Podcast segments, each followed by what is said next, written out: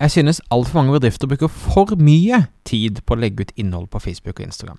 Lønner det seg å poste hver dag? Ser noen postene dine? Kjøper folk fra organiske posteldinger? Dette og mer skal vi utforske i dagens episode. Minner om at vi publiserer en ny episode hver eneste onsdag, så husk å abonnere for ikke å gå glipp av fremtidige episoder. Stadig flere små bedrifter i Norge oppdager at med riktig markedsføring kan man utfordre de store, tradisjonelle bedriftene. At ved å ha fokus på å bygge gode relasjoner og opparbeide seg tillit, kan små bedrifter oppnå store ting. Velkommen til podkasten 'Suksess med Facebook-annonsering'. Mitt navn er Thomas Moen fra Moen Co. Vi er et mediebyrå som hjelper små nettbutikker å vokse. I denne podkasten kommer vi med ukentlige råd, tips og strategier som du kan implementere i din bedrift. Om du er helt ny på annonsering, kan du komme i gang ved å gå til moenco.no start for vårt gratis introduksjonskurs. Når sosiale medier var i sin spede barndom, var det utrolig mye prat om å poste organisk innhold, altså innhold som man postet til de som hadde valgt å følge deg, gratis uten å betale for det. Den naturlige grunnen for dette var jo at det var enkelt og greit var det eneste alternativet vi hadde. Annonsering hadde egentlig ikke kommet helt, og eh, alle råd, tips, bloggposter som ble skrevet, handlet om eh, organisk innhold og det å bygge et community rundt seg. Um, men det var gjerne normalt å nå da 70-80% av alle de som fulgte deg, og ofte så nådde du ut til flere mennesker enn de som fulgte deg også.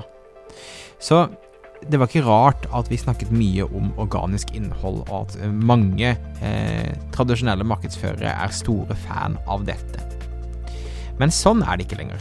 Både poster på Instagram og på Facebook når i snitt nå under 5% av de som følger deg, ofte bare 2-3% ifølge Hootsuite sin undersøkelse i slutten av 2019. Det vil si at om du har 1000 følgere, og du kan tenke deg sjøl hvor hardt du har jobbet for å få 1000 mennesker til å følge deg, så når du 20-30 stykker av de hver eneste gang du poster, i snitt.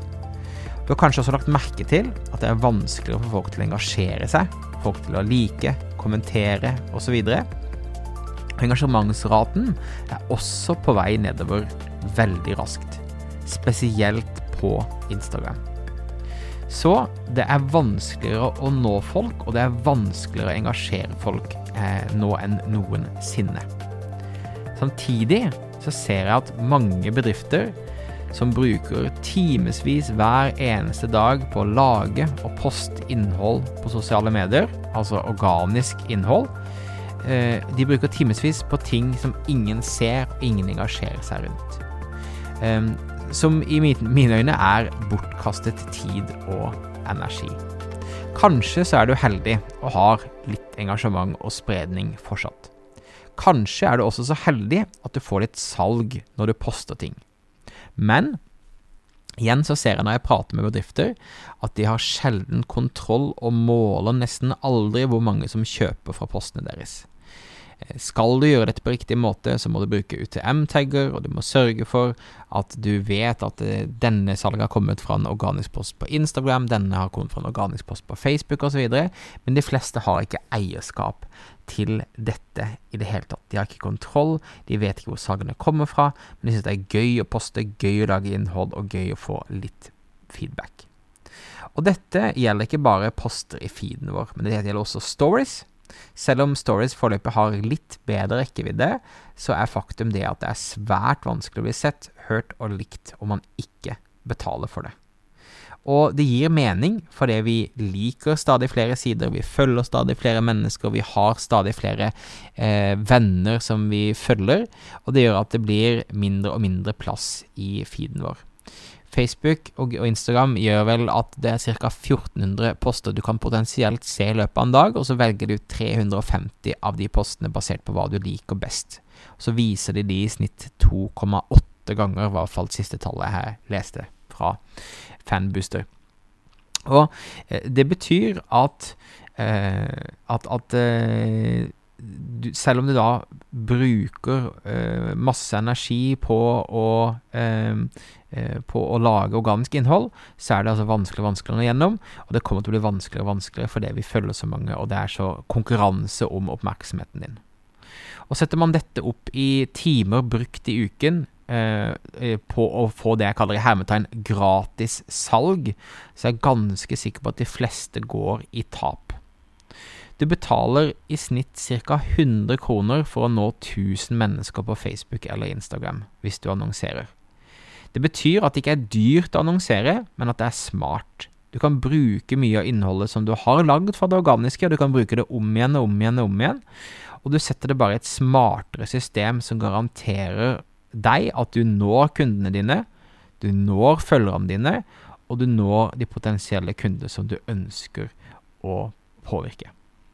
Jeg er stor fan av Pareto-prinsippet, altså at 80% av effekten kommer fra 20 av innsatsen. Og Jeg er ganske sikker på at du bruker 80% av tiden din på organiske poster i dag, og 20% på resten av markedsføringen. Jeg vil utfordre deg til å snu dette på hodet. Bruk 80% av tiden på å lage annonser satt i et smart system. Lytt f.eks. til episode to av denne podkasten der jeg prater om 7-Eleven-kampanjen, som er et smart sted å begynne når du skal kjøre din første kampanje. Og så bruker du 20% ja, på å lage organisk innhold, som i dag primært, i mine øyne, handler om å påminne eksisterende kunder at du eksisterer, med å bygge tillit og lojalitet. Så organisk innhold er ikke helt dødt, men det har en mye mindre effekt, så du burde bruke mye mindre tid på det. Trenden for fremtiden er klar. Det kommer bare til å bli vanskeligere og vanskeligere å nå ut til folk via organisk innhold, så du må sette i gang mens du ennå har muligheten. Eh, vi i Co. har også laget et gratis introduksjonskurs som du finner på moenco.no start hvis du ennå ikke er helt i gang, men det kan være et sted å starte. Uansett, tenk 80-20-regelen, tenk på hvor du legger mest av innsatsen din, og hvis du bruker innsatsen din mest nå på å lage godt innhold og poste vaflebilder og på en måte kose deg med sosiale medier, eh, så er det ikke nødvendigvis at det er det som er den beste effekten for bedriften din. Ok, tusen takk for at du lyttet på. Minner om at om du abonnerer, så får du beskjed hver gang det kommer ut en ny episode. Om du driver en nettbutikk og ønsker å vokse, kan du lære mer om hvordan jeg kan hjelpe deg på moenco.no annonsering. Mitt navn er Thomas Moen. Vi høres igjen neste uke for en ny episode av Suksess med Facebook-annonsering. Hei da!